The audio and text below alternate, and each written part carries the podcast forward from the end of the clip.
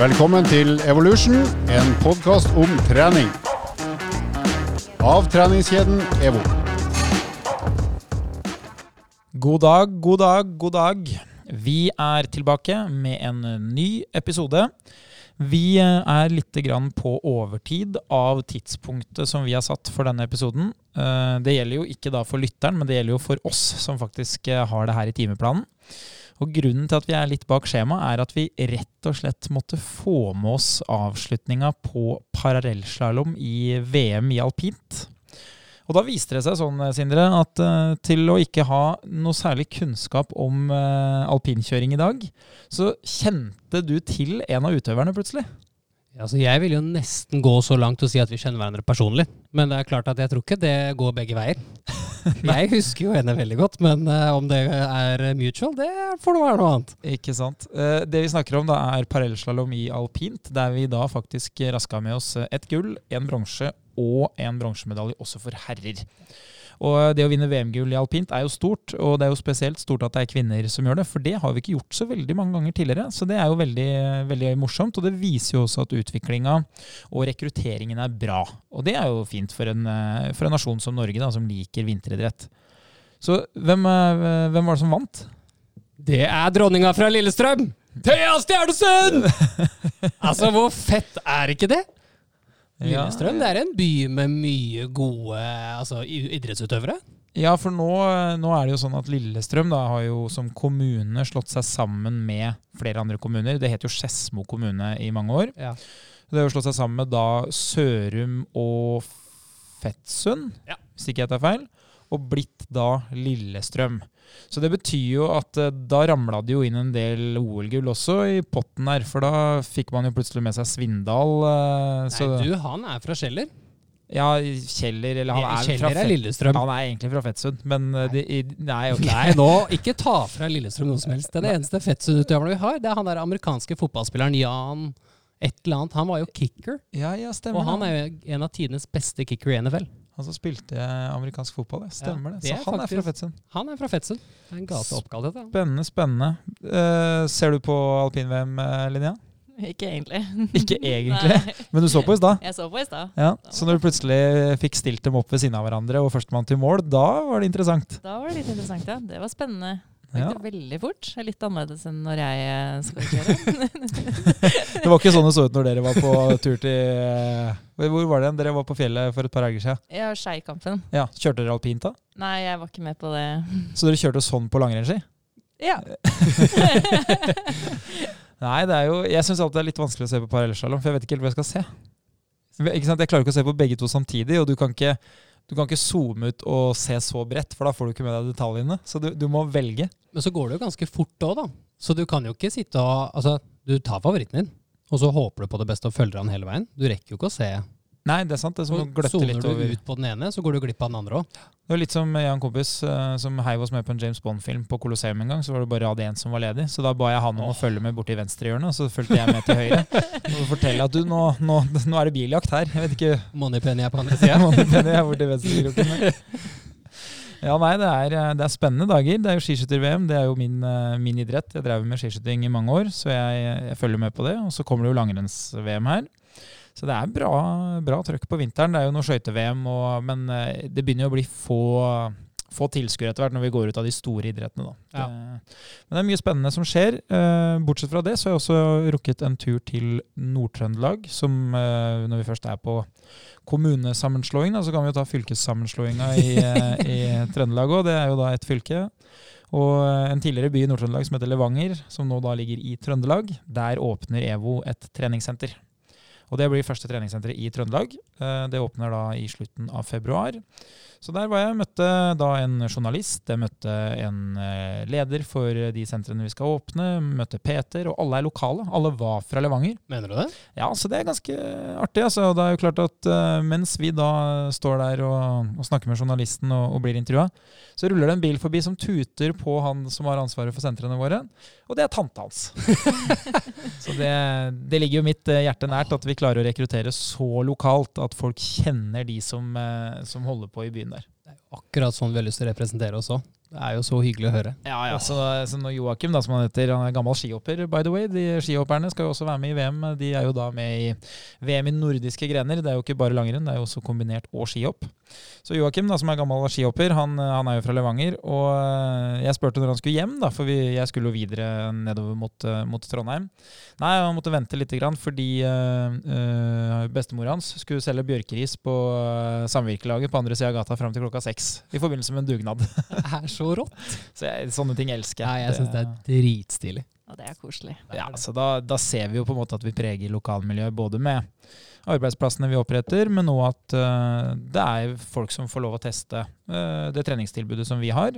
Og som vi da uh, har sett at vi, vi, får gode tilbakemeldinger på. Så det er ikke noe som er bedre enn å, å komme til en by i Nord-Trøndelag da. Og vi får håpe at vi får samme velkomsten andre steder. Vi skal jo både til Gjøvik og vi skal etter hvert eh, nærmere Trondheim, eh, og det blir jo da en del åpninger. Så kommer det noe sånn Stavanger og Oslo og sånn, men der har vi jo der har vi holdt på i noen år, så det er liksom ikke så nytt. Men eh, det blir jo blir noen fine reiser. Så vi har jo på en måte fått, fått oppleve en dose Norge. Det er det ingen tvil om. Så nei, det er gøy. Vi skal ikke bruke opp tida på å snakke om verken familiemedlemmer i Nord-Trøndelag eller VM i nordiske grener. Men det vi derimot skal gjøre, det er å snakke litt om eh, kosthold. Eh, vi starta jo med det forrige gang. Vi rakk å gå gjennom noen punkter på en liste som ligger inne på Helse-Norge. Som er da kostholdsanbefalinger som du bør gjøre for å få et eh, bedre kosthold. Og Vi har da valgt oss ut fire ulike punkter som vi skal se litt nærmere på. Som er enkle sånne jeg kaller takeaways, da, som på en måte gir godt resultat uten for mye inngrep. Jo spesielt av meg å bruke et ord som takeaway, som kanskje ikke har noe med det her å gjøre. Men, eller, eh, eller litt for mye med det her å gjøre. Ikke sant. Så mer om det etter denne lyden.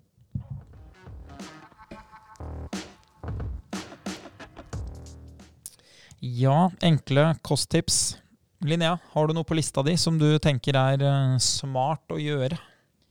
Det er eh, smart å være litt forsiktig med hvor mye salt du får i deg når du spiser. Og da er det viktig å skille på hva slags type salt da du skal være forsiktig på. For da snakker jeg ikke om eh, havsalt og salt fra steiner og sånt. Da snakker jeg om eh, det som er i fast food og de her ferdiglagde rettene og prosesserte type matvarer, da. Det er det viktig å være forsiktig for. Ja. Jeg, eh, når jeg hører havsalt, så tenker jeg jo på sørlandschips. Ja.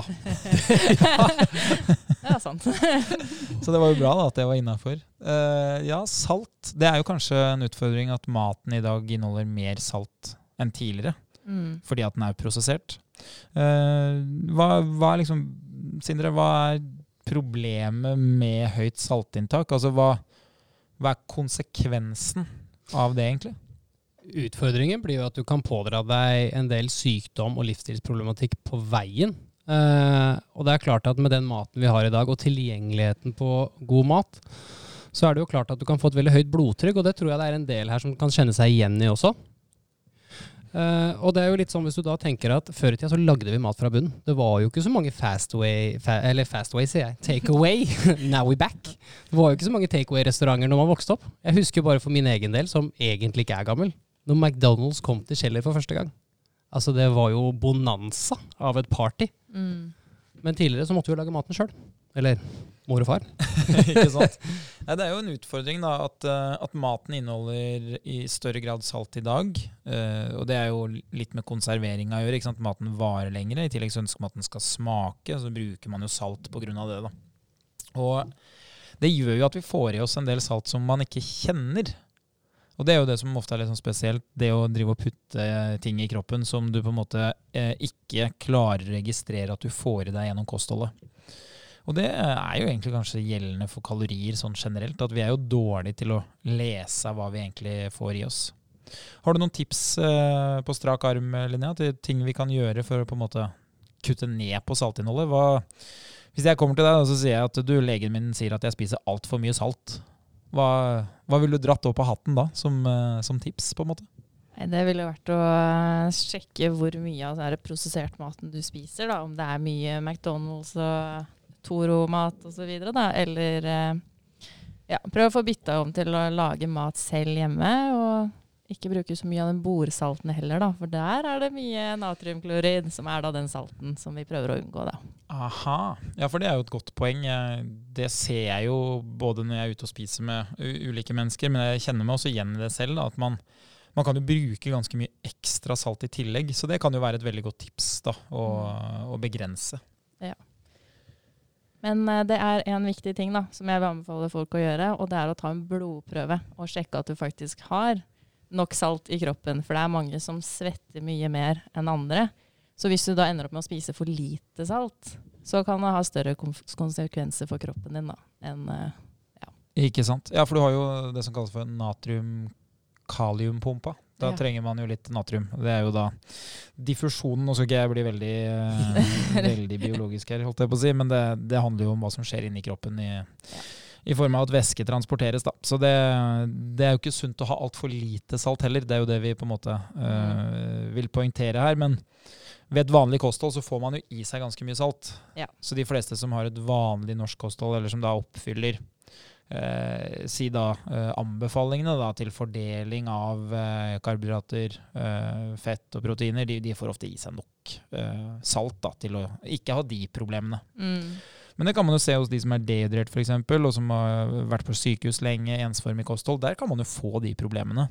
ja. Så da får man jo ofte sånn tilsetning. Da kan man jo få natriumtilsetning, så man får mer natrium. eh, Og det er jo veldig vanlig på sykehus. da. Mm. Så det, det er gode tips å ta med seg når det gjelder salt. Hvis vi skal gå videre, da, så har vi jo en uh, synder som er langt større enn uh, en saltet. Uh, og det er jo sukkeret. Eh, Store, stygge ulven. ja, det er jo virkelig ulven. Det er jo sukkerindustrien. Det er jo som gode gamle tobakksindustrien. Det, det er jo Og det, det er jo med god grunn, så, selv om vi gjør litt narr av det. Men hva er liksom eh, Hvis vi skal se på de, de konkrete konsekvensene, Sindre. Hva, hva er liksom Hvis vi virkelig skal se på forskninga da, og ikke synse, hva, hva er de ulike skadevirkningene man kan få av høyt sukkerinntak? De største risikoene er jo vektøkning og dårlig tannhelse. Eh, og det er jo klart at det er veldig vanskelig for mange, vil jeg tro, og opplever, og jeg kan kjenne meg igjen i å, kutte mengden på sukker.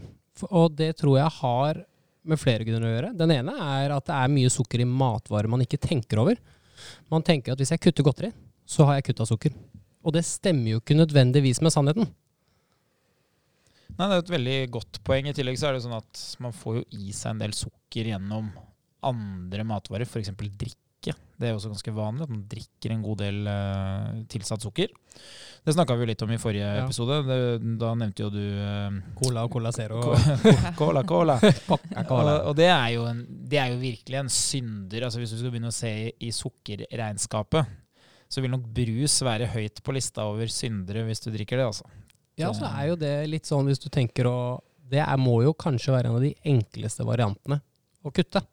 For det fins sukkerfrie varianter som er Jeg kan få, få veldig mange forstå at en rød cola smaker bedre enn en sukkerfri cola. Og det er jeg på mange måter helt enig i. Men så tenker jeg, hva er kostnaden? Hvor mye bedre smaker den akkurat nå i forhold til gevinsten jeg vil få i morgen av å ikke drikke en rød cola kontra en sukkerfri cola, da. Opplever du det som et uh, stort problem blant kundene dine, Linnea? At det er for høyt sukkerinntak generelt? Ja, det er jo mange som eh, altså Det er jo sukker i ganske mye som folk ikke tenker over, som vi snakka om i stad. Og det er jo ikke bare brus av drikkevarer som har sukker heller. Vi har også juice, f.eks., som mange ser på som ja, dette er sunt, dette kan du drikke masse av. Men så er det egentlig like mye sukker i den juicen du drikker som cola. Vanlig cola, da. Eller brusen. Ikke sant? Så det Er det, en, Unnskyld. Nei, det står jo én av fem om dagen på de òg, så det er jo lett å havne i den fella, kan jeg se for meg. Ja, det er veldig lett å havne i den fella, så det, det må vi være obs på. ja, for det er jo kanskje sånn utfordring, ikke sant? sånn type nøkkelhull eller én av fem om dagen f.eks. Det, er jo- det er jo lett å tenke at ja, men da er det jo fritt fram. Ja. Så det betyr jo at man kanskje skal være litt forsiktig med juiceinntaket òg, hvis man drikker mye av det. Ja. Hva med sjokomelk, som jeg er glad i? Er det, mener du også at det inneholder sukker? Ja, det inneholder jo sukker, det. Jeg har sett at det har kommet sånne lettvarianter. Ja. Det er jo et eller annet i meg som vil ha tungvarianten. Det er jo det som smaker best. Men eh, Da er vi tilbake. Er det, smaker det så mye bedre at det ikke er bedre for deg i morgen? det er sant. Et godt poeng. Uh, Og så er det jo kanskje en fordel da, å ha et litt mer sånn oversiktlig syn på det. ikke sant? Litt mer sånn makroperspektivet. Mm. Jeg kan godt unne meg å drikke sjokomelk, men da er jeg jo innforstått med at uh, det er jo motorveien til mange kalorier òg. Så da må jeg kanskje være litt restriktiv med noe annet. Ja, og det er jo akkurat dette med makroer. da. Jeg tror det er veldig mange som har hørt begrepet makro, men er litt usikre på hva det er. Og det er jo det å forstå hva protein er, det å forstå hva karbohydrat er, og hva fett er, og hva det gjør med kroppen. Og jeg tror hvis flere hadde hatt den kunnskapen, så hadde man også spist med bedre samvittighet, og ikke fått så mange overraskelser på veien. Nei, og Det er egentlig et godt poeng du nevner her, for sukker? Det, er jo, det er jo karbohydrater. Så når man snakker om karbohydrater, så er det jo egentlig sukkerformer, og så oppstår de i forskjellige faser da, av, av, kostholdet. Men, men, hvis man liksom bruker sukker, så er jo det, det er jo ofte motsatsen til fett i mange tilfeller. Og så har man protein i tillegg. Det er jo gjerne liksom de, de næringsstoffene vi har. Uh, og så har man jo egentlig alkohol. Ja. Det er jo noe vi veldig sjelden bruker som drivstoff, heldigvis. fordi for kroppen så så er de kaloriene tomme. De, de bidrar veldig lite. De må lagres som, uh, som fettstoffer da, på kroppen. Så det er liksom det er kanskje ikke det man er mest interessert i, men hvis man ser på, på sukker da, og karbohydrat, så har man jo hatt en, en um, type diett i mange år som er da lavkarbo. Som eh, noen steder får veldig gode skussmål, og andre steder så blir det jo sabla ned. Det er jo ikke noe vi skal bruke tid på her, men det som er viktig for oss når vi snakker om makrobildet, da, det er jo bare at hvis du velger en type lavkarbodiett, så er det jo veldig mye enklere å lykkes fordi du må sette deg inn i hva du faktisk skal spise. Så det er mye lettere å få oversikt over regnskapet. Men med det sagt så er det jo sånn at hvis du går fra sukker da, eller karbohydrat til fett Hvis du bytter én mot én, si at du hadde 100 gram karbohydrat, og så bytter du til 100 gram fett, så får du deg over dobbelt så mange kalorier. Mm. Så i form av volum, altså mengde jeg kan spise, så er jo det en dårlig byttehandel. Da blir det mindre mengde. Så hvis, det, hvis, du har lyst til å spise mer mat, så må du ikke bytte deg til fett. Da må du bytte deg bort fra fett. Så da kan du bytte deg mot proteiner, f.eks., som er ganske lik byttehandel som med karbohydratene.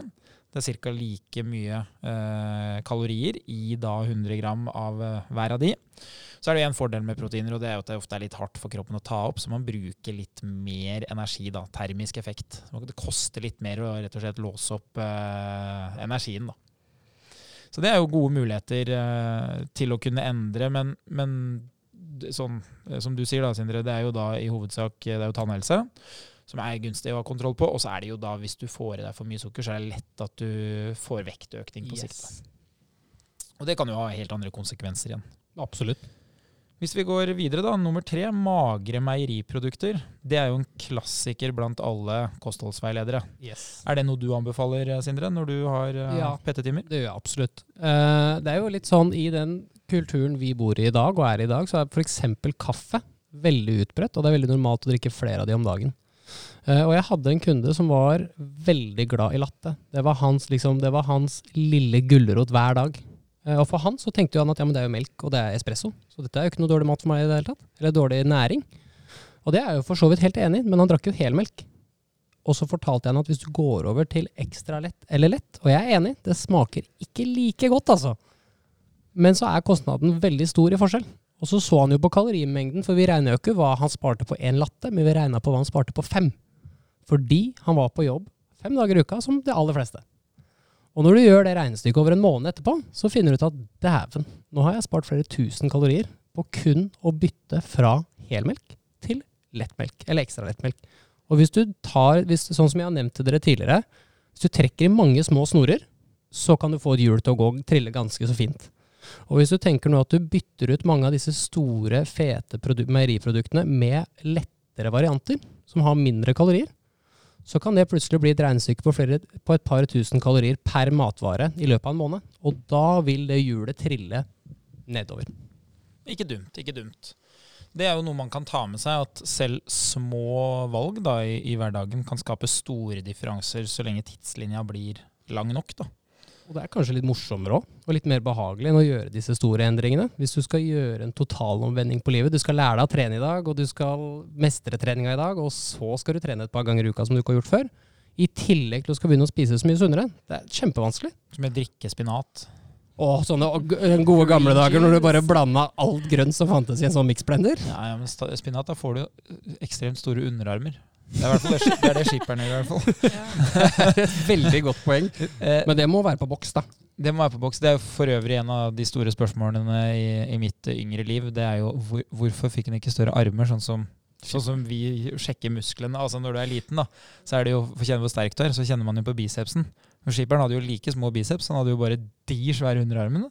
Husker du ikke leverpostei-reklamen? Han sto og fleksa biceps i speilet. Jeg gjorde jo det flere år seinere med leverpostei og brødskive. Jeg kan heller ikke skjønne hvilken effekt det skal ha når du skal banke opp noen, at du er sterk i klypa og i håndleddet. Men det, Det, Det- det ser veldig kult ut, da. det får Mr. Popeye eh, stå for. Uh, Linnea, meieriprodukter av magre sorter, er det noe du eh, får spørsmål om av kundene?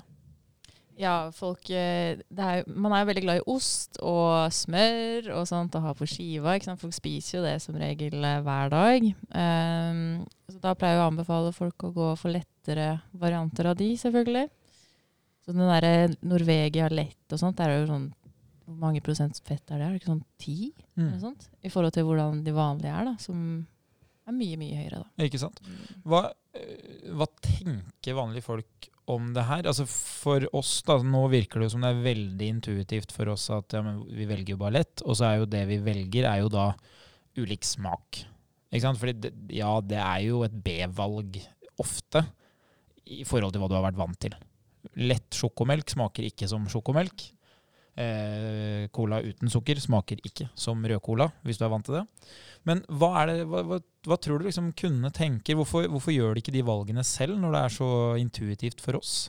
Ja, men det er jo smaken, ikke sant? sånn som du nevnte i stad. Folk er jo glad i at det skal smake godt. Nå skal jeg kose meg. Nå skal jeg nyte det måltidet her hele tida. Hvis det er sånn hver eneste gang, så er du ikke kos lenger. Da er det bare sånn du eter. Spiser. Der kommer den eh, dialekta fram igjen.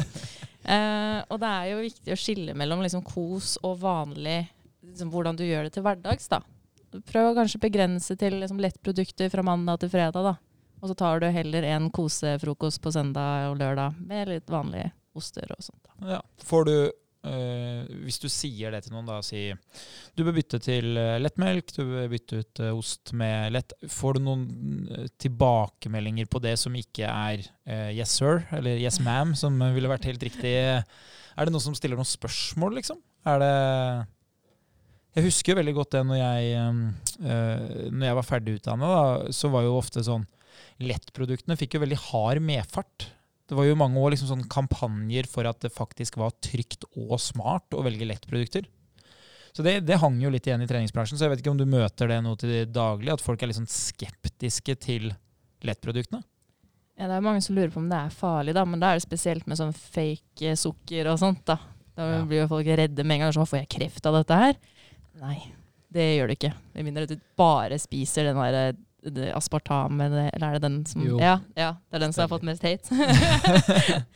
Nei, det er et godt poeng eh, at det ofte er reaksjonen. Det er jo kan- det er noe jeg kjenner meg igjen i. at eh, eh, Et sånt evig dilemma i mange år var jo Pepsi Max, f.eks. Mm, eksempel. At Pepsi Max eh, en, Det var jo lenge en diskusjon om hvorvidt eh, det var null kalorier. Og så prøvde man seg jo da etter hvert som man skjønte at jo, men det er null kalorier i Altså energiinnholdet i Pepsi Max er null. Eh, og så prøvde man seg med Ja, men du blir jo veldig sulten. Du blir jo mye mer sulten, så du ender jo opp med å spise mye mer.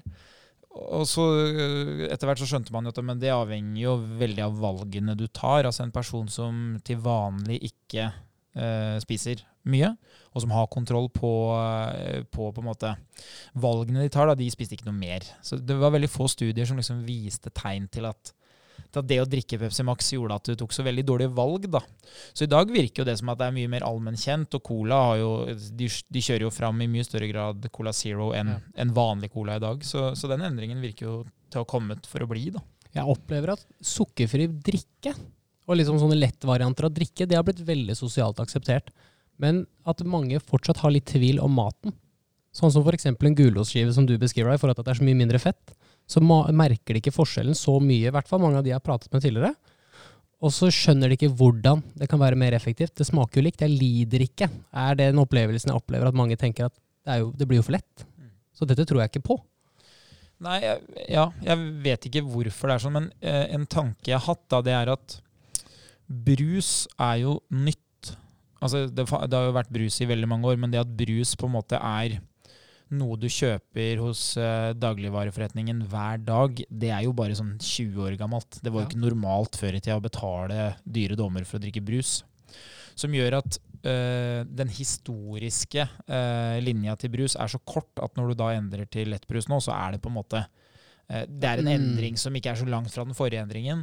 Mens derimot det å begynne å spise lettprodukter, når vi vet at eh, det er stor sannsynlighet for at alle over 60 år eksempel, kommer til å slå et slag for husmannskost, så skjønner man jo at på en måte kulturen og erfaringen og, og liksom meningene er jo veldig, veldig langt unna lettprodukter. Så eh, hvis man liksom i første omgang har akseptert hurtigmat da, og, og sånn eh, ferdiglagde retter, på en måte, så er det vel sikkert enda tyngre å akseptere at vi skal begynne å putte juks og fanteri inn i dem, da. Så, som det føles ut som at vi gjør, fordi at det er ukjent. Da. Men også tenker jeg, hvis vi også ser på hvor glade vi er i dietter. Jeg har veldig mange kunder som har opplevd i perioder suksess med diett, men som veldig mange dietter så faller man jo tilbake når man begynner å spise det som er vanlig. Og inntrykket mitt blir jo at i det samme jeg ser med de, når de har den forventningen om at det skal være vanskelig å gå ned i vekt, det skal være tungt og det skal være ganske ubehagelig, har de også om treningen. Så når vi har PT-time, så får de veldig ofte et sjokk om at dette var mye lettere enn forventet. Og da liker jeg ofte å grave etter hvor er forventningene dine fra. Eh, og jeg ser jo det at en tendens er at man har blitt vant til dette Biggest Loser-prosjektet som var for en del år siden, hvor La oss være helt ærlige, det var jo tortur. Eh, utrolig inspirerende og motiverende å se folk kunne altså, yte maksimalt så lenge. Men så har man jo sett på studier i ettertid at etterlevelsen av det de klarte å kjøre der med en PT som skreik på dem, og en kokk som lagde minimalt med mat, funka jo ikke når du kom hjem. Jeg tror til og med jeg skulle klart enkelte uker som kokk der. For det må jo ha vært eh, vann og salatblader. Ja, men, ja, men det er ikke kødd engang. Eh, Men ja, kanskje ikke, da, fordi dandering er kanskje ikke min sterkeste side. Men da skjønner jeg jo at du blir så sjokkert når du får lov til å spise god mat allikevel. Ja, og det, det er jo da tilbake til det vi snakka om i stad. Hvis du har kontroll på makrobildet, altså du vet innholdet, så kan du jo få lov å trikse og mikse så mye du vil. Det er jo litt som at en PT har ekstremt mange ulike metoder for hvordan man kan gjennomføre en treningsøkt. Og det er jo bare fordi at man kjenner ingrediensene. Altså Man vet verdien av ingrediensene, og det er jo det vi snakker om her, i et makrobilde. Det å på en måte ha peiling på ok, eh, hvis jeg da går fra sjokomelk til lett sjokomelk, så er jo det da kanskje 100-150 kalorier spart, da. Ok, da kan jeg bruke de til noe annet, eller så kan jeg gå de i minus. Og hvis du kan det regnestykket mye, og du skjønner etter hvert at ok, det å avstå fra dessert, eller det å avstå fra å spise sjokolade, det er plutselig 500-600 kalorier, så vil det være så stor gevinst i å bare takke nei istedenfor å endre. At man begynner liksom å kunne styre kostholdet opp og ned. Kanskje man kan spise mye i helgene, som jeg selv har gjort i mange år. Da. Jeg har kanskje spist både 4000 og 5000 kalorier lørdag og søndag. Og så har jeg kanskje ligget ganske lavt mandag, tirsdag, onsdag, torsdag. Og det er jo fordi at uh, i helgene så har jeg jo da hatt kombinasjonen av kanskje både uh, godteri, god eh, middag, kanskje fast food, kanskje alkohol i tillegg. Mens uh, mandag, tirsdag, onsdag så kunne til og med da kanskje ha periodisk faste, hvor jeg hopper over frokost, spiser lunsj, kanskje på ettermiddagen etter middag så kanskje jeg trener, og istedenfor å spise kveldsmat så går jeg bare og legger meg. Som selvfølgelig ikke er noe jeg anbefaler til alle andre, men eh, det er jo noe som fungerer i det det systemet er noe som er tilpassa hvordan du lever og hvordan du ønsker å ha det. da. Jeg syns jo det er veldig kult å høre på når han prater om det, fordi du legger jo egentlig opp kostholdet ditt akkurat sånn som vi legger opp treningsprogrammet til kundene våre. Det skal etterleves din hverdag, det skal være personlig, og det skal funke for det du lever for.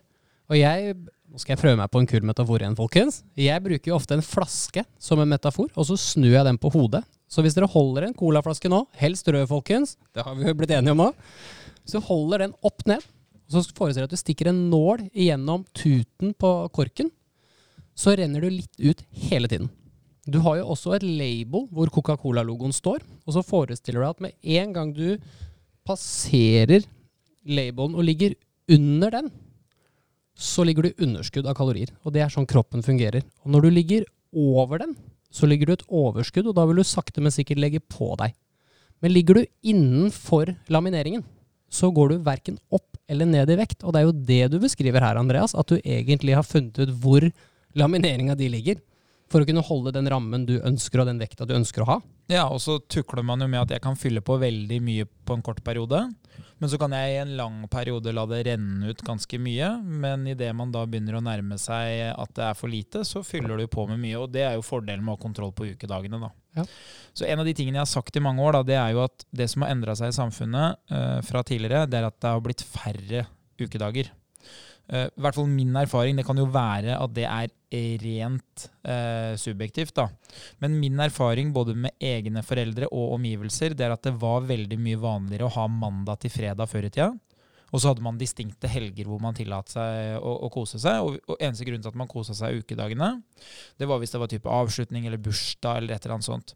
Mens min erfaring nå er jo at helgene varer fra onsdag til mandag av og til, og så kanskje det fins to dager ja. som er ukedager hvor du faktisk gjør det du skal. Og jeg er jo eh, like mye eh, med på det selv. ikke sant? Jeg er på jobb her, jeg spiser jo eh, eh skoleboller av og til, eller kanelsnurr. Jeg drikker jo brus nesten hver dag. Så jeg er jo selvfølgelig med på det sjøl, men, men, da igjen så blir det jo en kjempefordel å ha kontroll på inntaket sitt.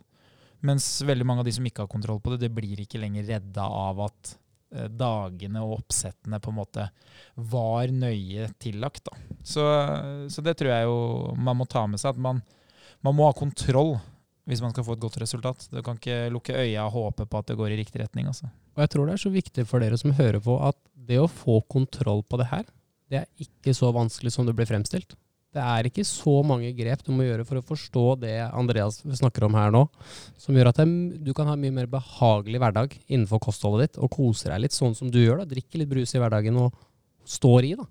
Det er som jeg sier, eh, eh, eller som jeg sier, det var jo å ødelegge ordtaket jeg skulle si, da. Men eh, du må gjøre som jeg sier, ikke som jeg gjør. Det er jo et viktig, viktig poeng her, da. For du må jo ikke se på det kostholdet jeg har, for det, det er ikke bærekraftig. Med, hvis du har eh, si 5000 kalorier brukt i aktivitet da, eller trening da, hver uke, og du ligger eh, ganske stille på vekta som jeg gjør, så må du i hvert fall ikke fjerne de treningsøktene. Da vil vekta gå opp ganske kjapt. For øvrig, da, den mest aksepterte lettvarianten som fins. Vil dere gjette på eh, hva det er? Eh, det her er også en høyst subjektiv quiz. Den er, er bare jeg som har fasitsvaret. Drikkevare eller spisevare? Nei, av alt du vet om. Hva, hva er den mest aksepterte lettvarianten? Ok, Pepsi Max. Eh, det er jo mer en meningsmåling dette her, føler jeg nå. En, hva, hva, vil du tippe på? Jeg tipper vann, jeg. Ja. Ja, ja, ja, det kan man jo si. Men, det er ganske akseptert. Men, men, av det som heter lett, altså det som ja. på en måte hva, hva, vil, hva, vil, dere tippe på? Lett. Jeg tror vi har vært innom det her. Sindre nevnte det i stad. Ja. Lettmelk. Lettmelk. Det jo, for det er jo på barneskolen, til og med. Det, det, det, må være, det, må jo være, det produktet vi aksepterer i størst grad. Ja, Vi drakk det hver dag som barnet mitt. Det eneste vi gjorde. Så vi er hjernevaska. Der tåler vi det. Men eh, kommer lettost, da, så er det noe gærent med det. Ja, da er det noe gærent. Da er det krise. Er det tynne kuer som gir lettmelk? Eller er de trimma? Veldig godt spørsmål. jeg trodde jo i mange år ja, at eh, sjokomelk kom fra den brune kua og jordbærmelk kom fra den rosa kua. Så det men, men hvem er det som pasteuriserer? det er noen syke betegnelser jeg ikke forstår. Pasteurisert. Det høres bra ut. Uh, vi skal videre til neste punkt, og det er jo da mitt favorittpunkt. Uh, og det er jo vann, som du sier, Linnea. Ja. Hva, hva, tenker du om inntak av vann? Det, står det høyt på anbefalinga di til kunder? Ja, det er viktig. Hvorfor er det viktig? Fordi det er viktig å holde seg hydrert. ja, hva betyr det sånn rent praktisk, uh, å være hydrert? Det er jo et fremmedord for noen. Ja, det er at du har eh, nok vann i kroppen, da, sånn at du skal fungere og leve livet behagelig. Fordi du trenger jo nok vann i kroppen for at du skal ha Altså det er vann som smører ledda dine, og sånt som gjør at du ikke får så mye vondter osv. Som gjør at du slipper å få vondt i hodet, og mange andre ubehag da, som du slipper. Det er jo et godt poeng. Jeg kjenner jo på det sjøl hvis jeg en hel dag bare drikker kaffe. Mm. Så Kaffe kan jo ha en tendens til å være litt vanndrivende, som gjør at uh, det ikke bygger seg opp væske, men at det, det, holder seg eller faller ned. liksom. Uh, og Spesielt hvis du ikke har noe særlig inntak av salt, som vi var innom i stad, så kan det bli litt lav væskebalanse, og da kan du kjenne det i hodet. Hva er de negative faktorene med vann? Jeg har prøvd å tenke på det nå, jeg har ikke funnet noen. Har du? Nei, Du må øh, ofte på do. Ja, det er meget godt poeng. Det, der er i hvert fall jeg skyldig. Uh, nei, vann, altså. Det er undervurdert. Jeg uh, kan jo bli litt lei av vann. Uh, Sindre, du ler jo av det stadig. Det er som jeg fortalte her når vi gikk inn eh, døra før vi satt på setsettet, at eh, å snakke om vann med Andreas, det syns jeg er så morsomt. Fordi oftest så ser jeg da lettsaft. Sukkerfri saft. Det er ikke ett sted Andreas har jobbet hvor det ikke blir spurt om saft i ettertid. Eh, Hvor mange år siden er det du var senterleder på EVO Lillestrøm, da? Det begynner å bli en del år. Jeg må jo sikkert være en sju år siden, Jeg kanskje. Jeg tror det, skjønner du. Ja. Og når områdelederen kommer inn på kontoret forrige uke og spør hvor i all verden saften er For har ikke Andreas vært her, da? Er han ikke på senteret lenger? Jo, jo, han var her for et par uker siden. Ja, men hvorfor, hvor er saften hans? Jeg eh, drikker jo vann, eh, bare med smak. Eh, og så hvis, det- hvis det nå eh, gjennom studier viser seg at eh, type aspartam eller annen søtende oh. tilsetning er livsfarlig, så da, da, da er det i hvert fall bare å ta meg inn og begynne å forske. For da, det tenker jeg også. Det, det fins stoffer som har tilsatt sukker i meg, det er helt sikkert. Nei, vann er jo en, en god anbefaling. Eh, Det er jo kanskje anbefalingen man burde ha tatt til seg i forhold til alt man drikker. Hvis man skulle vært eh, god på makro, da, som vi nå har lært oss. Hvis du på en måte skal ta gode valg, eh, så vil jeg jo tro det er mange kalorier å spare. Er det et tips du pleier å gi, eh, Linnea? At man bytter ut enkelte ting med vann, f.eks.? Ja, altså bytte ut melk. Latter var det jeg egentlig skulle si. Ja. Og sånt med vann. Altså jeg er veldig Eller jeg var veldig glad i latte før. Og så vente jeg meg til svart kaffe. Og så er jeg så glad i islatte, ikke sant. Og det, er jo, det var jo favoritten. Og det endte med å bytte det ut med vann, da. Det ble en isamericano. Mm. Altså det smakte jo høgg i starten. For det er jo bare, det er bare espresso, isbiter og vann, liksom. Men det funka jo fett etter hvert, da. Det er som øl.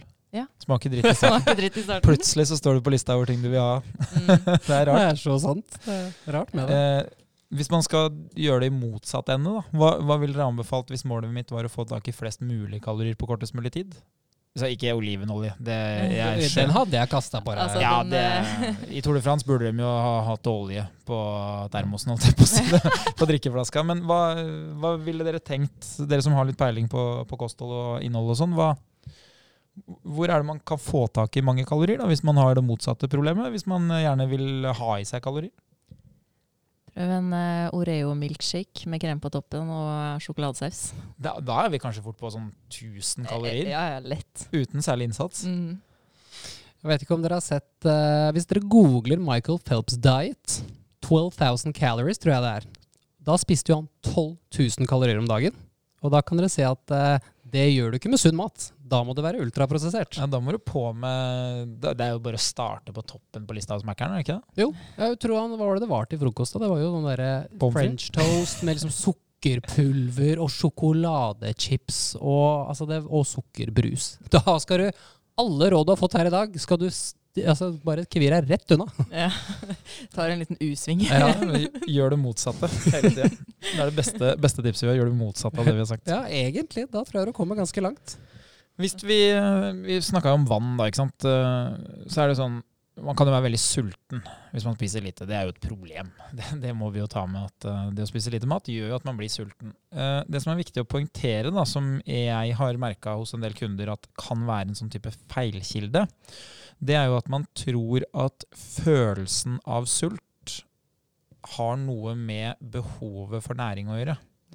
Eh, Det betyr jo da at det man tror er jo helt logisk. Man tenker at fordi at kroppen min sier at nå må jeg ha mat, så må jeg ha mat. Og det stemmer jo, men det som er litt sånn eh, Det som gjør det til en dårlig metode å bruke, da, det er jo at eh, det du kjenner på når du kjenner sult, det er jo da nervene som er i magesekken. Og de sier jo bare noe om hvor stort press er det egentlig på magesekken. Så hvis du tenker at uh, magesekken er en ballong, så leser de bare av hvor mye luft er det i ballongen. Og de nervene de stillesetter hva som har vært vanlig i det siste. Så hvis du har spist veldig veldig mye mat i 3-4-5-6-7 dager, f.eks. en all inclusive-tur til Syden, så vil du jo da når du kommer hjem bli skrubbsulten veldig ofte. For da får du jo i deg mye mindre volum, og det er poenget her. Magesekken registrerer volum og varighet på det som er der. Så hvis du er akutt sulten, så kan du jo drikke en halvliter til en liter vann. Da vil du jo bli mett. Og så eh, bruker jo ikke kroppen veldig lang tid på å ta opp væske, så da vil du jo bli sulten igjen ganske kjapt. Og så får du en annen bieffekt hvis du driver og kaster nedpå en halvliter til en liter, og det er jo at du må på do. Så da får du to problem. Du blir sulten igjen, og så må du på do. Så vann er jo en kortsiktig metode, men det fungerer. Så hvis du f.eks. da Si at du skal spise lunsj om en time, da, og du vet at i kostholdet mitt nå, så, så er det en time jeg bør klare å holde meg. Så kunne det vært smart å drikke f.eks. en halvliter vann. For da ville du jo kommet deg til lunsj uten at du inntar næring. Men så har man jo bedre valg, og det er jo f.eks. å finne da endringer i kostholdet som gjør at man får mer volum på det man spiser. Og da er vi jo inne på det som vi snakka om i stad, med at man velger lettprodukter. For da kan man spise mer for samme mengde, eller så kan man få i seg mindre kalorier med det man spiser. Hva, hva ville dere tenkt der på topplista, da, hvis dere skulle valgt liksom etter volum? Si at vi hadde hatt en liste over Vi foreslår tusenvis av matvarer. Og så hadde vi sorter etter færrest mulig kalorier for mest mulig. Hva, hva hadde vært på en sånn toppliste? Der stilte du Nå satte du meg til veggs her. Ja, hvis vi sier at Nå var vi jo enige om at kanskje Hva, hva sa du, Linja? Oreo milkshake? milkshake. Den ville jo kanskje ha vært ja, du får jo litt volum, da, men, men tar, den hadde nok vært langt ned på den lista her, da. Får jeg jo helt uh, jerneteppe her, da, men uh, jo. Riskake. Der har vi det. Ja. Der har du jo noe som har en litt mengde, og har litt motstand også når du spiser det. Men uh, kalorimessig så er det jo null niks ingenting, nesten. Nesten. Ik ikke sant? Så det man egentlig får ut av den lista, her er jo det kokken i Biggest Loser ja, serverte. da, ikke faktisk. sant? Så det handler om å få inn det. Det er jo i hvert fall én ingrediens da vi ofte ser at går inn, og det er jo vann. Så det som inneholder mye vann, er jo ofte en vinner, for det er jo volum. ikke sant? Eh, så det meste av det som er i frukt- og grøntavdelinga, vil jo være et uh, godt tips. Kjempegodt alternativ. Mm. Det meste inneholder jo fryktelig lite kalorier. Uh, hvis vi bruker da kål eller salat, så tror jeg jo du kan spise kilosvis før det begynner å gi noe effekt. Tror du stopper å spise før du får noe effekt, for å si det sånn. Ikke sant? Problemet er jo bare at siden det er væske som er hovedingrediensen i de matvarene, ja. så vil, jo, vil, det jo falle sammen kjapt i magen. Men man, man, har jo et annet ytterpunkt som man kan gå for, da, og det er jo at det er litt motstand i det mm. som man spiser. Altså da ikke, ikke, motstand så mye at det er tungt å tygge, liksom. Det er ikke gråstein vi er på jakt etter. Men at det er uh, tungt for kroppen å ta det opp. For da bruker du mye tid på å fjerne det fra magen. Og da får man jo gjerne litt mer proteinrik eh, kost, for det bruker jo kroppen da, som vi var enige om i starten av episoden, her, litt tid på å bryte ned. Og da får man jo kanskje noen sånn type kornprodukter og sånn, som kan være gunstig. Det er jo samme hvis du da tenker spagettien. da. Det er, veldig, det er, jo flere varianter av spagetti. Du har jo fullkorn, og så har du den jeg kjøper som jeg ikke husker navnet på engang. Hva blir det motsatte? Hva blir det når det er minst mulig her? ja, Fullkorn. Halvkorn. ja, ja, men Nullkorn. Jeg gikk, beklager, folkens. Her går det jerneteppet. Så den skal jeg finne ut til neste gang. Men dere ser poenget mitt. Du kan, kjøpe, du kan kjøpe en grovere variant av pastaen din. Og så kan du kjøpe den man normalt kjøper, som er ganske lys. Så det, så det, som er viktig, sant, det er jo da at man kanskje ikke går for bare vann, men at man går for noe som inneholder volum. Men poenget da er jo at sultfølelsen det er jo da volumet. Det er jo da den ballongen du har nede i magen. ikke sant? Så når du blåser den opp, så vil du være mett en periode. Så faren er jo at man tenker at den sier ifra at jeg trenger mat. Men den sier egentlig bare ifra om at det som skjer nå, det er et avvik fra hva som har skjedd tidligere. Så hvis du da ser på klokka at det har gått to timer siden sist jeg spiste, det bør gå tre timer, og du kjenner det skriker i magen, så vil det være lite gunstig å følge etter det. For da vil det i hvert fall ikke gå tre timer neste gang du er i samme situasjon. Så det er jo noe man kan trene seg til. Det tilpasser seg jo. Men det fins jo også mulighet til å se hva som skjer hvis man spiser for lite. Og det er jo hvis du spiser for lite gjennom en hel dag, så vil du begynne å merke at du kognitivt, altså da oppi hodet, begynner å kjenne på at man er litt sløv, kanskje man er litt sånn svimmel. Det er jo et tegn på at har, da har du for lite næring. Altså Da er det for lite drivstoff igjen i blodbanen for, for kroppen. Det er jo der ofte mennesker som spiser ultraprosessert mat, ender òg. Du, får veldig, du får veldig rask tilgang til energi. Men så blir du veldig fort sulten igjen. Mm. Eh, og litt av fordelen med de matvareproduktene vi har snakka om her, er jo at Du vil holde deg mett mye mye lenger, og du vil da mest sannsynlig også kunne holde på i mye større grad. Du får i deg mer kalorier og mer næring på det du spiser, som gjør at du vil Du snakker jo om ytterpunktet her, kognitiv, altså nesten kognitiv svikt. At du blir veldig svimmel, du blir litt sliten og litt kald, litt tåkete. Og hvis du spiser god og sunn og næringsrik mat, så vil du jo kunne da i det motsatte enden bli så optimalisert du kan bli. da. Du kombinerer det med godt med søvn, du spiser god og sunn mat, så kan du bli en så mye bedre versjon av det du ønsker å være. Du vil kunne ha den energien i hverdagen. Du kommer ikke hjem på slutten av dagen og kjenner deg veldig utslitt, for det gjør du jo hvis du ikke spiser på en hel dag. Nei, det er sant. Eh, og hvis jeg skal gi et eh, tips da, til de som eh, plutselig skal ut og gå lange skirenn i vinter, eller noe sånt, så er det jo vanlig å, å prøve å få i seg noe næring underveis. Og da det, spiser man gjerne sånne geller. Det er jo da sukker i klissete, rennende form. Og det er jo det nærmeste det som skal rundt i blodet du kan komme. ikke sant? Det går rett gjennom magen og rett til de muskelcellene som skal brukes. Så Derfor så bruker man jo det, fordi det gir effekt. Det gir effekt på ganske kort sikt. Det er lett å ta opp for kroppen. Og så har man jo da det motsatte, som vil da være et dårlig tips. Og det er jo å kjøpe seg en type proteinsjokolade. Én, fordi det er litt vanskelig å få i seg. Du vil jo gjerne ha den klistra i ganen. så det, Har du prøvd dette før, ja, eller? ja, dette har jeg prøvd. Eh, Lefse, f.eks., på Sjusjøen eh, når du går Birken, den har du da 15 km senere fortsatt i ganen. Men eh, i hvert fall proteinsjokolade vil jo være veldig gunstig etterpå, fordi det vil jo bidra til at musklene kan bygge seg opp igjen. Men akkurat der og da så vil jo protein være et stoff som tar lang tid for kroppen å bryte ned. Så det betyr at den proteinsjokoladen som du drev og spiste da si en time før målgang, den er jo fortsatt eh, på vei til å snart skulle bli brukt til noe. Så, og det er jo litt dumt når du står i dusjen og den endelig har kommet fram eh, til musklene, liksom. Du snakka jo om noen andre næringsstoffer i stad som kunne vært mye mer effektive på disse barene. Hva er det som ligger der da? Kan det være? Ja, ikke sant? Nei, det, det er jo det at eh, det skal fungere, da. Det er det som er viktig. Ja. Så eh, jeg vil heller ikke anbefale alkohol. Det fungerer dårlig, selv om de i Tour de France drakk litt av det òg, på 60-tallet. Ja, skal vi gå videre? Vi eh, har jo en eh, 500 kalori-challenge gående, så eh, mer om det straks.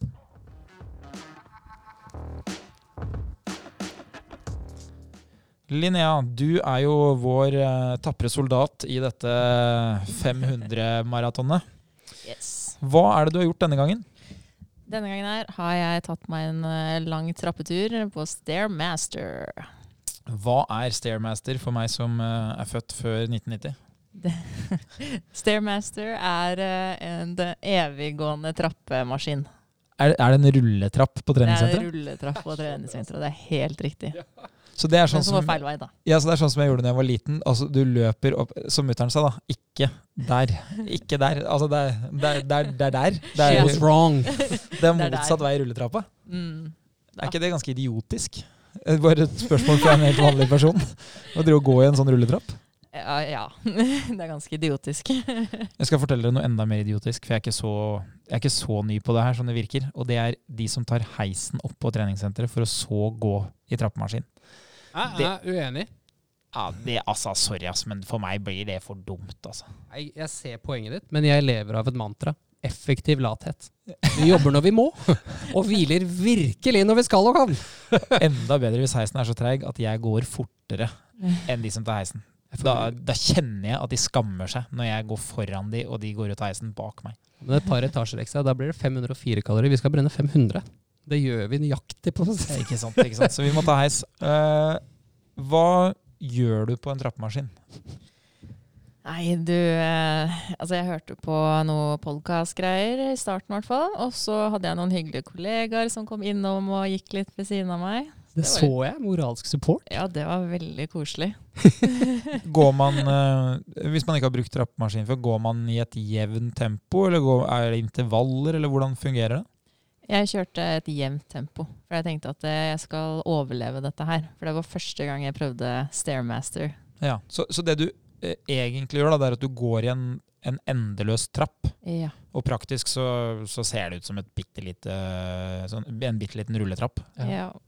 Kult. Det ser litt trist ut i virkeligheten, Ja, egentlig. men, det, det ser, men det ser også veldig fancy ut. Ja. Ja, jo. Det er jo en tilbakemelding vi ofte får fra, fra nye folk, at uh, de tror jo at det er bra. Mm. Noe, noe det er, altså det er ikke, jeg skal ikke gjøre narr av det, men, men det er jo litt morsomt at fordi at det ser litt eh, spennende ut, så må det være bra. Ja, folk er veldig nysgjerrige på den, ja. Hvordan var det underveis? da? Var trappa lang? Trappa var veldig lang. Det, lengre trapp har jeg aldri vært borti før. Så det var, det var noe nytt. Ja, nei, Jeg fortalte det forrige gang at jeg bodde jo i 9. etasje på Løren. Eh, av og til sto heisen. Så det, jeg har eh, kanskje ikke gått eh, 500 kalorier, men jeg har i hvert fall gått en del trappetrinn. Eh, hvordan var det etterpå? Muskulært? Eh, Kjente du noe til det etter du var, altså dagen etter, to dager etter? Jeg ble ikke så veldig støl, men jeg var veldig sliten eh, da jeg gikk av trappemaskinen. Da kjente jeg at nå beina jobba mye og lenge. Ikke sant? Men du har, jo, du har jo trent en del styrke, så for deg så, men du kjente at det også var muskulært Ja, ja, ja. hardt? Ja. Hvor, eh, hvor lang tid bruker man på 500 kalorier? Som da, eh, det er jo viktig for oss å presisere at vi har jo en skala ut ifra hvordan det oppleves underveis. Men vi har jo også en, en viktig, viktig ting vi sjekker, og det er hvor lang tid bruker man. Det er jo egentlig det vi er på jakt etter. Og hvor lang tid brukte du? Jeg brukte du, du, du, du, du, du, 42 minutter. Oi, oi, oi, oi, oi. Det må jo være ny leder. It's a winner! 42 So minutter. Ja. Det er syv minutter bedre enn eh, konkurrenten. Andreplassen. Sykkelen? Sykkelen, ja. ja. Stemmer det. 42 minutter, da. Da begynner vi å snakke. Nå prøvde jeg eh, veldig kjapt der å regne ut i hodet hvilken fart man måtte ha jogga på, men det skal jeg, det skal jeg finne ut av. Uh, ja, det klarer jeg ikke å ta i huet. Men jeg, poenget er 42 minutter. Da begynner vi å komme ned på at eh, til og med løping, sånn på papiret utregna, er jo ikke så veldig mye bedre enn det. Så det, Mm. det er good, altså. Uh, er det noe du kunne anbefalt kundene dine, eller tror du det er for hardt? Eller uh, for kjedelig, eller Nei, det er noe jeg absolutt kan anbefale for kundene dersom de klarer å holde ut så lenge på trappa. Da. For det er jo ganske krevende fysisk å gå i en evig lang trapp. Det er ikke like lett da, i gåseøyne eh, som å gå i oppoverbakke. Da. Hvis du hadde stått bak meg da, med en lang fiskestang og så hadde jeg hengt en sånn Candy King-pose på toppen, da kunne jeg gått. Jeg tror jeg skulle gått ganske mange etasjer for den Candy Kingen der. En total avsporing. Hva, hva er best i Candy King-posen? Eh, de sure skallene som er harde. De små. Hæ? Ja. Har du ikke sett lakrisen? lakris? Nei, nei, nei, ikke lakris. De sure. De er sånn grønne, gule og røde. Så supersure skaller. Sånn at eh, du må ha øya igjen når du Ja. spiser? Ja. Du Du får helt sånn surtryne. Altså, Jeg velger sjokolade ti av ti ganger i uka, jeg. sjokolade, Og må ikke dra det opp i Candy King. posen. Det Nei. klistrer Å, seg, så mange gode! klistrer seg jo til alt annet. Det Hva annet skal være oppi? Jo, Altså- kanskje noen krokodiller og bubblies. Da. Altså, når jeg var liten og dro til Charlottenberg eller Svinesund på, på svenskehandel, så- da var det to poser. Sjokoladen har ikke noe oppi Nei, jeg har jo hatt to Altså. poser. Eh, to og en halv sjokolade. hadde to og en halv. Ja, nei, eh, ja, hva er min favoritt? Jeg hadde lenge sånne rosa topper. Um, rosa puter. Ja. Eh, men nå kanskje de colaflaskene i rosa og De er ganske bubbliesne. Ja, Ja, Ja. de er faktisk ganske gode. Mm. Men jeg er jo et barn, så det er jo, jo høyere på sukkerskalaen, jo bedre. Så det er kanskje et problem. Men det var jo ikke poenget. Det var jo eh, ja. Candy King eh, ble en fin avsporing fra trappemaskin. ja. Eh, vi har jo da den eh, fempunktslista vår, eh, hvor Ja. du gir karakter. Nummer én er jo effektivitet. Altså når du først står oppå der og, og er i gang, hvor effektivt føltes det?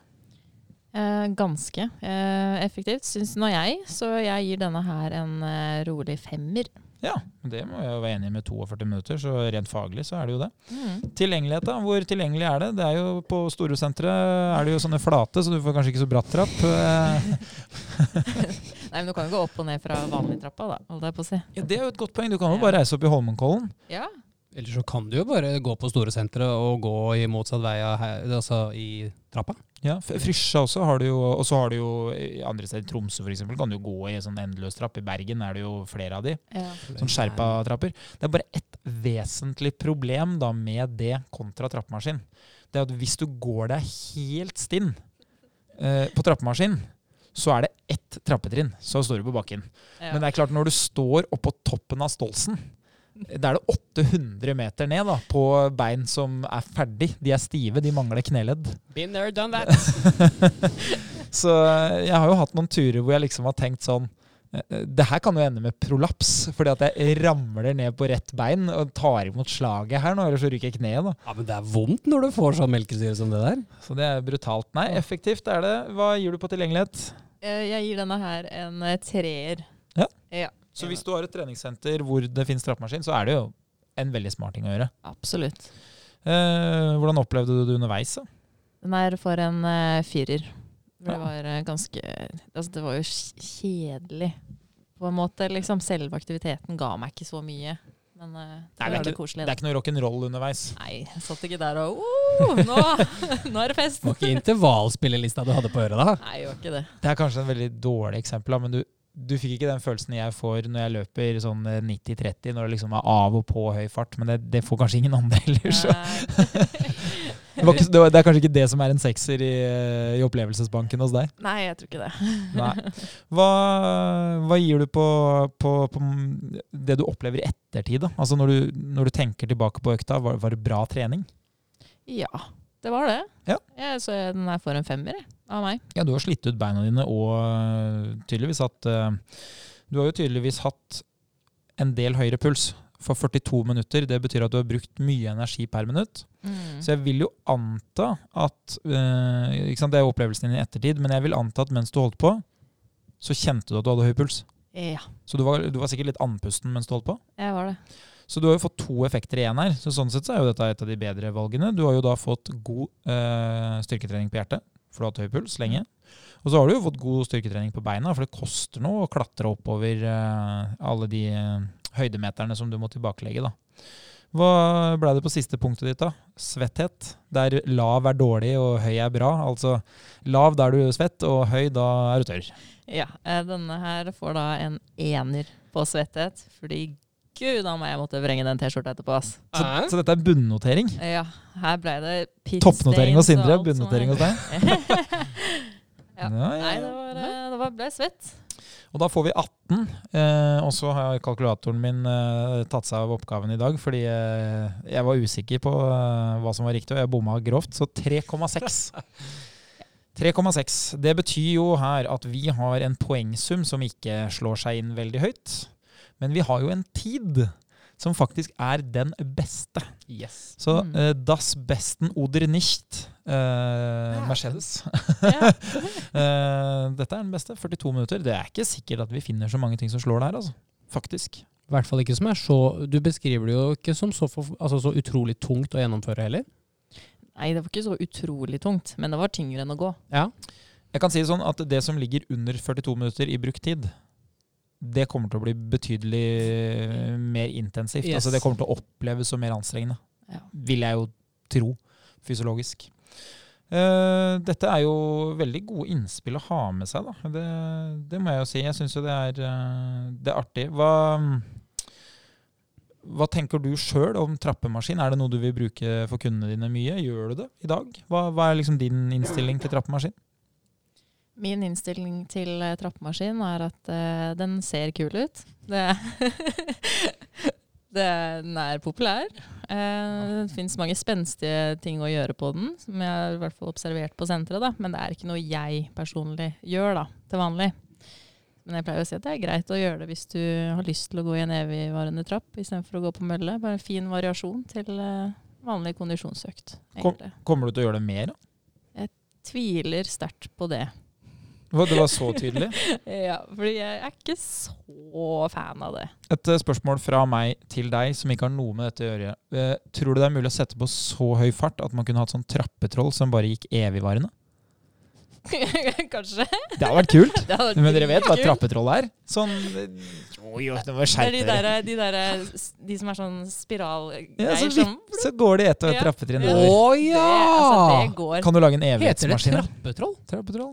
Trappetroll. Det, Det det, det er- det er jo noe av det kuleste med barndommen som jeg har glemt. Dere er altfor unge. Nei. Jo, jo, jo. Når Mækkern kom til landet altså Nei, kom ikke jo- til landet, til Kjeller. Eller det er jo landet for mange. Mækkern kom eh, jo, kom jo akkurat. Det er jo nyåpna. Er Mækkern er jo før i tida. Før i tida. Før i tida. Da var jo eh, Før i tida var jo eh, kjøttkaker var jo fast food. Ja. Mener du sånn som på Morten Skro fortsatt? Morten Skro, Ja, sjåførmeny. den skal du ikke kødde med, altså. Det er noe av det beste jeg vet. Det er Blant 10 000-12 000 andre ting. ah, det er touché. Ok, vi har en, eh, en ny coming up. Hva skal vi gjøre neste gang på 500 kalorien? Neste gang skal vi gjøre noe som eh, sikkert mange lyttere lurer på om er effektiv, for den er i hvert fall veldig populær blant eh, medlemmene. Det er mange som spør om, den er, om jeg brenner mye når jeg går på denne her istedenfor å gå på mølla. Og det er jo da den berømte ellipsemaskinen. Ellipse. Ellipse. Ellipse. Hva er forskjellen på ellipse og jogg? Det første er at jeg, du får jo ikke vektbærende på ledd. Så jeg sender jo ofte de fleste av mine kunder som ikke har løpt så mye, men som har lyst, eller, har lyst eller trenger å bedre kondisjonen, så starter vi ofte på ellipsen for å skåne ledd for si, belastning. Det er derfor du har det der svære svinghjulet. Helt riktig. For det løfter kroppsvekta. Ja. Det er kjekt å vite. Så det er egentlig en snillere variant. En veldig fin variant hvis du ja, det er, ja, først og fremst. Hvis du har vondt i et ledd, da, hvor du kjenner at det og f.eks. jeg, da, som har en del kneproblematikk Jeg får vondt av å jogge langt, men ellipse kan jeg jo holde på så lenge jeg vil. Så hvis jeg har lyst til å ha god kondisjon, som er så overførbar som jeg vil at det skal være, så vil jeg jo velge ellipse, for det er ganske likt som å løpe. Ja, for det ligger jo sånn midt imellom langrenn og øh, løping. I, i, altså det er litt langt, seigt steg, men, men Jo, det men er jo veldig ta, nærme. Ja, og hvis du tar med bevegelsen da, så Mm. får du jo, med armene tenker jeg på, så får du jo absolutt det. Nei, det en in-betweener, det var en ganske fin måte å er- si det på. Den er bra, den, den. Og jeg vil jo tro, da, bare fordi at den, den fjerner litt av kroppsvekta di, så skal den jo være litt, litt dårligere enn løping eh, i den konkurransen om å bruke kortest tid på 500 kalorier. Men den skal jo være helt der oppe med trappemaskinen, vil jeg tro. Eh, Det avhenger jo veldig av hva du er vant til. Du har jo trent en del styrke på beina, så du tåler jo trappemaskina bra. Ja. Jeg vil jo tro at hvis du har tatt en av de nyeste kundene du har, som ikke har trent noe særlig styrke, og kjørt av gårde her, så hadde du blitt en lårfest, som jeg Ja. kaller det. Lårfest, ja. ja. Syrefest! Ja, da synger det. Da synger det greit. Det tror jeg. Men det blir jo spennende å se da på ellipsemaskin. Eh, Et spørsmål fra medlemmer til deg via meg. Eh, Skal man gå baklengs, som jeg observerer at noen gjør? Hvorfor går de baklengs? Jeg vet ikke. Men de vet ikke, det er helt riktig! Man vet jo ikke hva som er forlengs og baklengs. Jeg tror Mm? En teori. Det er at eh, de begynner å dra med armene først, istedenfor å tråkke. Ja, For Hvis du begynner med å trekke den ene hånda bakover, da går du da går du baklengs. Ja, så de går baklengs. Fordi de bruker armene. For de går baklengs, faktisk. Mange. Ja. ja. Eh, Det jeg har hørt et par ganger, er jo at eh, Men det gjelder jo ikke alle, da. Eh, Det er jo at det er bra for rumpa. Eh, Som er Det gir jo litt mening. Men eh, her er det jo en vertikal øvelse. Du står rett opp og ned. Så det gir ikke så mye mening. Men hvis du hadde, eh, i et veldig merkelig tilfelle, hatt motbakke på mølla og gått baklengs, med litt knekk i hofta, Ja, så vil det jo bli lår og rumpe. Jo, men Så jeg altså, tror jo det bare er en sånn ja, er merkelig greie. Men så Der er vi jo tilbake på opplevd treningseffekt. Du blir veldig sliten i setet og låra etter en, ellipse, en ellipseøkt. Og jeg tror at man tenker veldig ofte at fordi man føler at det brenner, det gjør man jo ikke nødvendigvis på en tung styrkeøkt, som er mye mer effektivt om målet er å få litt større, eh, litt større rumpe og litt større lår, så føles ikke det nødvendigvis like tungt som å brenne, virkelig få litt sånn, ja, som lårfest Ja. ellipsen. Hvis vi skal sette det på spissen, da. Det ville vært mye bedre å gjort beinøvelser, type knebøy, utfall.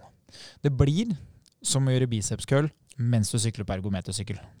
Der var du god. Ja, det, det er Den var bra. for, for gevinsten blir så lav at det er, ikke, det er veldig lite vits å gjøre det. altså. Det er to streker under svaret. Så vi skal da velge ellipse forlengs. Det er det vi ble Ja, enige om Ellipse forlengs. Så hvis du er en av de som går baklengs, gå forlengs. Ok, vi har en, en siste ting her før vi drar ned rullegardina, og det var da uh, challengen. Vi har jo en challenge hver uke for å skape litt uh, motivasjon og inspirasjon. Hva var det vi eh, The milk span. Hva var det vi egentlig dreiv på med her om dagen, lurer jeg på. Hva var det for noe? Nei, altså, det starter jo med den klassiske Mesternes mester-øvelsen melkespann. Mesternes mester Mest- igjen, Farmen! Farmen! Farmen. Sorry! Du, du Jeg for, ser ikke nok på norsk TV. nei, Altså. du er for amerikanisert. MBA. Det ser jeg mye på, da. Eh, nei, Farmen heter det for de som da ser på TV i Norge. Uh, og det er jo da melkespann. Det er arma rett ut, og så er det å stå der så lenge som mulig. Og da var jo du, Linnea, du var jo dommer. Uh, og jeg må jo si at innstillinga mi til den konkurransen her var jo La oss bli fort ferdig med dette her, for det, det er jo ubehagelig. Det er en dårlig ting å starte med å si. For det starter jo vondt, og så blir det bare verre. Og det blir jo ikke noe bedre, for det er jo en statisk øvelse. Så du skjønner jo at den, jeg holdt på å si, den dritten som jeg føler nå, den blir ikke noe mindre dritt om en periode. Det blir bare verre. Og det å akseptere at ubehaget bare skal bli verre og verre, det er ganske ubehagelig. Det er jo helt jævlig. Ja, Linnea, hvordan gikk det med oss egentlig, du som var dommer? Ja, det var en veldig spennende kamp å se på, for her kom det virkelig fram noen konkurransedjevler eh, fram hos dere. Det varte for lenge for meg. Altså, Sier du? Ja, sånn mentalt, sett i ettertid og underveis, så syns jeg kanskje at det, det, vi klarte å presse oss mer enn jeg ville.